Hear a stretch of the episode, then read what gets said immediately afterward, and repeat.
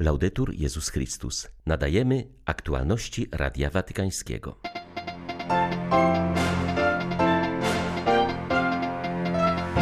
Po doświadczeniu pandemii będzie to czas nadziei i odrodzenia, podkreśla Franciszek, zapowiadając w 2025 roku w Kościele wielki jubileusz. Jan Paweł II pokazał, jak przeżywać chorobę i cierpienie, nauczył nas, jak radzić sobie w trudnych chwilach ludzkiego życia. Światowy Dzień Chorego przypomina o tym kardynał Sandri. Na świecie wzrosła liczba katolików, jest ich prawie miliard 400 milionów. 11 lutego witają Państwa Łukasz Sośniak i Beata Zajączkowska. Zapraszamy na serwis informacyjny. Odnajdywanie Boga po kryzysie pandemii, modlitwa, solidarność z ubogimi, zaangażowanie w drogę synodalną oraz ekologia integralna to elementy papieskiego programu przygotowań do jubileuszu roku 2025.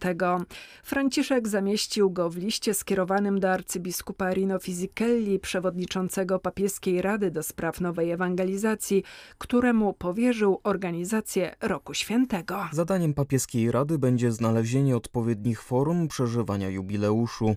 Papież wyraził nadzieję, że czas ten stanie się znaczącym etapem duszpasterskim w kościołach lokalnych, które wezwał do większego zaangażowania synodalnego. Zaznaczył, że w ostatnich latach wszyscy doświadczyliśmy skutków pandemii, która przyniosła niepewność, zasiewając w duszach wątpliwość, strach i zagubienie. Najbliższy jubileusz pomoże w tworzeniu na nowo klimatu nadziei i zaufania jako znaku odrodzenia, którego wszyscy pilnie potrzebujemy, napisał papież. Zauważył, że będzie to możliwe, jeśli zdołamy na nowo odkryć sens powszechnego braterstwa i nie zamkniemy oczu na dramat rozlewającej się po świecie biedy, która nie pozwala godnie żyć milionom ludzi zmuszając ich do poszukiwania lepszego życia z dala od swoich ojczyzn. W 2000 roku Jan Paweł II ogłosił tzw. Tak Wielki Rok Jubileuszowy. Sześć lat temu obchodziliśmy nadzwyczajny rok miłosierdzia. Nadchodzący jubileusz będzie zwyczajny, czyli taki, który Kościół obchodzi regularnie co 25 lat. Franciszek skierował przesłanie do Bartłomieja I z okazji 30. rocznicy jego wyboru na ekumenicznego patriarchę Konstantynopola. Papież nazwał patriarchę przyjacielem i bratem, podkreślił stojące przed nimi wspólne wyzwania i potrzebę podążania chrześcijan ku jedności. Osobiste porozumienie jest między nami od pierwszego dnia mojego pontyfikatu. Liczne spotkania odbyły się nie tylko w Rzymie, ale także w Konstantynopolu, Jerozolimie, Asyżu, Kairze czy na Lesbos. Łączy nas wspólna świadomość naszej duszpasterskiej odpowiedzialności wobec tego, z czym musi mierzyć się dzisiaj cała rodzina ludzka. Pandemia przyniosła dramatyczne skutki zdrowotne, społeczne i ekonomiczne. Dlatego jego świadectwo i nauczanie o konieczności duchowego nawrócenia ludzkości nabierają jeszcze większego znaczenia. Jesteśmy przekonani, że bliskość i solidarność między chrześcijanami i między naszymi kościołami stanowią konieczny wkład w powszechne braterstwo i przyjaźń społeczną, których ludzkość tak pilnie potrzebuje. Do bycia prawdziwą wspólnotą, która wychodzi na spotkanie potrzebujących, zachęca papież we wspomnienie Matki Bożej z Lourdes, kiedy w całym kościele obchodzony jest Światowy Dzień Chorego. Franciszek przypomina, że otwartość i przyjęcie są przeciwieństwem egoizmu, który wyniszcza ludzkie serce. Matko, pomóż nam być wspólnotą, która wychodzi na spotkanie wszystkich. Wspólnotą, która pozwala zarazem innym spotkać samą siebie, ponieważ spotkanie jest wzajemnością. Spotkanie nie jest jałmużną czy zabawą, ale podążaniem wspólną drogą. Jest ucieczką od samotności i izolacji, aby być razem z innymi, z przyjaciółmi, z rodziną, z ludem Bożym, wszyscy wspólnie trwając na modlitwie. Dlatego prosimy Matkę Bożą, aby pomogła nam być wspólnotą. Spotkanie jest zawsze otwarciem się na innych. Przeciwieństwem spotkania jest zamknięcie serca. Matko, niech nasze serca nie będą nigdy zamknięte, bo egoizm jest molem, który zżera serce. Jan Paweł II nie tylko ustanowił Światowy Dzień Chorego, ale sam pokazał, jak przeżywać chorobę i cierpienie. Nauczył nas, jak radzić sobie w trudnych chwilach ludzkiego życia, mówi kardynał Leonardo Sandri. Za pontyfikatu świętego papieża był on substytutem w sekretariacie stanu. To on ogłosił światu jego śmierć. Na łożu śmierci zobaczyłem jego stopy i przypomniałem sobie słowa pisma Błogosławione stopy zwiastuna dobrej nowiny, wspomina argentyński purpurat. O tej wyjątkowej szkole życia, jaką Jan Paweł II dał Kościołowi i światu, kardynał Sandri opowiada w krótkim filmie pod tytułem Żyć cierpieniem. Przypomina, że wielkim ciosem była dla papieża utrata głosu po zabiegu tracheotomii.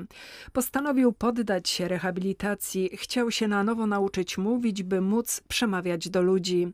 Okazało się to niemożliwe. Pod koniec swego życia przemawiał już tylko gestami, które okazały się jednak bardzo wymowne, mówi kardynał Sandri. Możemy powiedzieć, że ikoną tych ostatnich dni papieża, jego cierpienia, była droga krzyżowa w ostatni Wielki Piątek jego życia, tuż przed jego śmiercią. Kaplicy, obrócony plecami do kamery z krzyżem w ręku, śledził drogę krzyżową w Koloseum. Wraz z Jezusem ofiarowywał się Ojcu za zbawienie świata. Oczywiście trwała też dyskusja. Jeden z kardynałów, widząc jak cierpi, chciał nawet, by podał się do dymisji. Inni natomiast wskazywali na cierpienia świata. Tak wielu ludzi, tak wielu osób starszych, których napotykamy obok siebie ich niemoc, fakt, że stali się niemal przedmiotem, a nie podmiotem własnego życia. Dla tych ludzi papież był wzorem wierności i godności w cierpieniu. W ten sposób wszystkich nas nauczył, jak powinniśmy przeżywać te trudne chwile ludzkiej egzystencji. Polskiego papieża wspomina również Andrea Tornielli. Podkreśla, że w tych trudnych chwilach życia nie uciekał on od kamer, nie ukrywał swojego cierpienia. Wiedział, że to też jest świadectwo, jego sposób życia Ewangelią aż do końca, mówi dyrektor programowy watykańskich mediów. Była też wtedy debata i to polemiczna, na ile jest to stosowne, by papież pokazywał się światu w takim stanie, tak bardzo chory i cierpiący. Były argumenty za i przeciw. Oczywiście była to decyzja samego papieża, decyzja odważna i osobista. Nie jest powiedziane, że wszyscy muszą się z tym zgodzić. On jednak był przekonany, że trwanie na krzyżu aż do końca, a także to, że nie bał się ukazywać własnej słabości, cierpienia, utraty mowy, on, który był papieżem młodym, wysportowanym, wiedział, że to też jest świadectwem Ewangelii. Florencja przygotowuje się na bezprecedensowe spotkanie burmistrzów i biskupów basenu Morza Śródziemnego.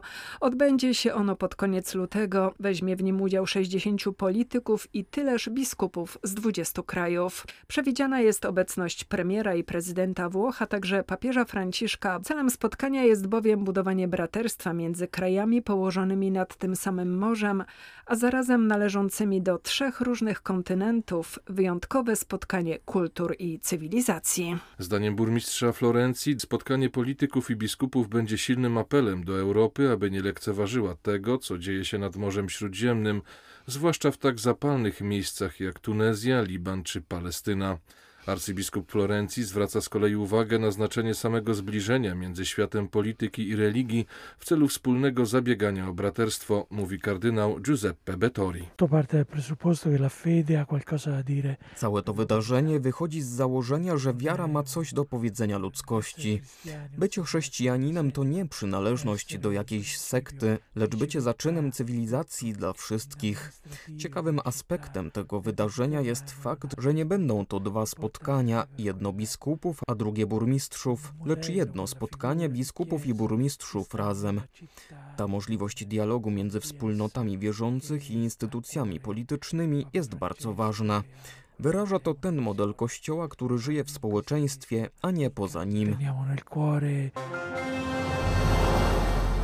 Podpisana przez prezydenta Stanów Zjednoczonych ustawa budżetowa umożliwia finansowanie ze środków federalnych klinik aborcyjnych Planned Parenthood. Sprzeciwia się temu 12 stanów, które złożyły pozew wobec administracji Joe Bidena. Argumentowano, że według obowiązujących przepisów amerykański gabinet nie może dotować aborcji, jednak sprzeciw ten został odrzucony przez sąd apelacyjny. Skargę wniósł prokurator generalny Ohio Dave Yost, do którego dołączyli prokuratorzy z innych stanów. Wniosek miał na celu przywrócenie chroniącego życie prawa z czasów administracji Donalda Trumpa. Powrót do poprawki miał być zaporą ogniową pomiędzy klinikami Planned Parenthood a usługami aborcyjnymi, powiedział Jost. Jak zaznaczył, według nowego prawa wszystkie pieniądze są wrzucane do jednego worka co oznacza, że kliniki będą mogły dzięki nim przeprowadzać aborcje. Przypomniał, że prawo federalne zabrania finansowania aborcji przez podatników. Według nowych zasad pieniądze z budżetu nie są traktowane jako osobne fundusze i mogą wspierać aborcje w placówkach Planned Parenthood. Rośnie liczba katolików na świecie. W 2020 roku było ich już miliard 360 milionów, czyli ponad procent więcej niż w roku poprzednim. Największy wzrost nastąpił w Azji i Afryce, a najmniejszy na kontynencie europejskim. Więcej jest diakonów stałych, mniej biskupów, księży i kleryków. Dane te pochodzą z opublikowanego właśnie rocznika statystycznego Kościoła. W latach 2019-2020 liczba ochrzczonych na świecie świecie wzrosła o 16 milionów, a więc rosła proporcjonalnie wraz ze zwiększającą się światową populacją. Udział katolików w ludności świata to wciąż niemal 18%, tak jak w latach poprzednich. Jednak na poszczególnych kontynentach sytuacja różni się od globalnej. W Afryce i Azji liczba katolików wzrosła o 2%, zaś w Europie o niespełna 0,3%. Spadek liczby duchowieństwa w stosunku do liczby katolików wyraźnie pokazuje brak równowagi między deklarowaną wiarą a zapotrzebowaniem na udział w publicznych formach jej wyznawania. W roku 2020 było aż o 69 katolików więcej na jednego kapłana niż w roku 2019. Na wszystkich kontynentach, zwłaszcza w Europie, znacząco zmalała liczba kandydatów do kapłaństwa. Wyjątkiem jest Afryka. Tam liczba kleryków zwiększyła się o niemal 3%. Pod hasłem Na barkach gigantów w Madrycie odbyło się spotkanie krajowych dyrektorów papieskich dzieł misyjnych z Europy. Bieżący rok bogaty jest w wydarzenia ważne dla świata misyjnego. W maju zostanie beatyfikowana Paulina Jaricot, założycielka dzieła rozkrzewiania wiary. Przypada też m.in. 400-lecie kanonizacji świętego Franciszka Ksawerego, patrona misjonarzy. W spotkaniu w Madrycie udział wzięli przedstawiciele 18 krajów. Dlaczego takie spotkanie? Przede wszystkim, żeby odświeżyć charyzmat papieskich dzieł misyjnych, żeby otrzymać nowe siły. Ojciec Tadeusz Nowak, sekretarz generalny papieskiego dzieła rozkrzewiania wiary i żeby przedyskutować różne możliwości, aby ten charyzmat papieskich dzieł misyjnych stał się aktualny w każdej diecezji i w Kościele powszechnym. Na tym spotkaniu są kraje o wielkiej tradycji misyjnej, jak na przykład Hiszpania, ale są także kraje, które dopiero zaczęły, jak Chorwacja czy Litwa. Mają mniej doświadczenia, więc im pomagamy. Gospodarz spotkania, ksiądz Jose Maria Calderon. Ważne jest to, abyśmy podzielili się naszymi doświadczeniami i pomagali sobie nawzajem we wzrastaniu. Mamy przed sobą wiele wydarzeń i jubileuszy, ale jedno wydarzenie jest dla nas szczególnie ważne. To 400-lecie kanonizacji świętego Franciszka Ksawerego, patrona misji. W spotkaniu udział wziął także ojciec Din Anie Nguyen, sekretarz papieskiej Unii Misyjnej. Pozdrawiam wszystkich misjonarzy, którzy rozumieją po polsku. Z całą wdzięcznością. Z Madrytu dla Radia Watykańskiego ojciec Marek Raczkiewicz, redemptorysta. Były to aktualności Radia Watykańskiego. Laudetur Jezus Chrystus.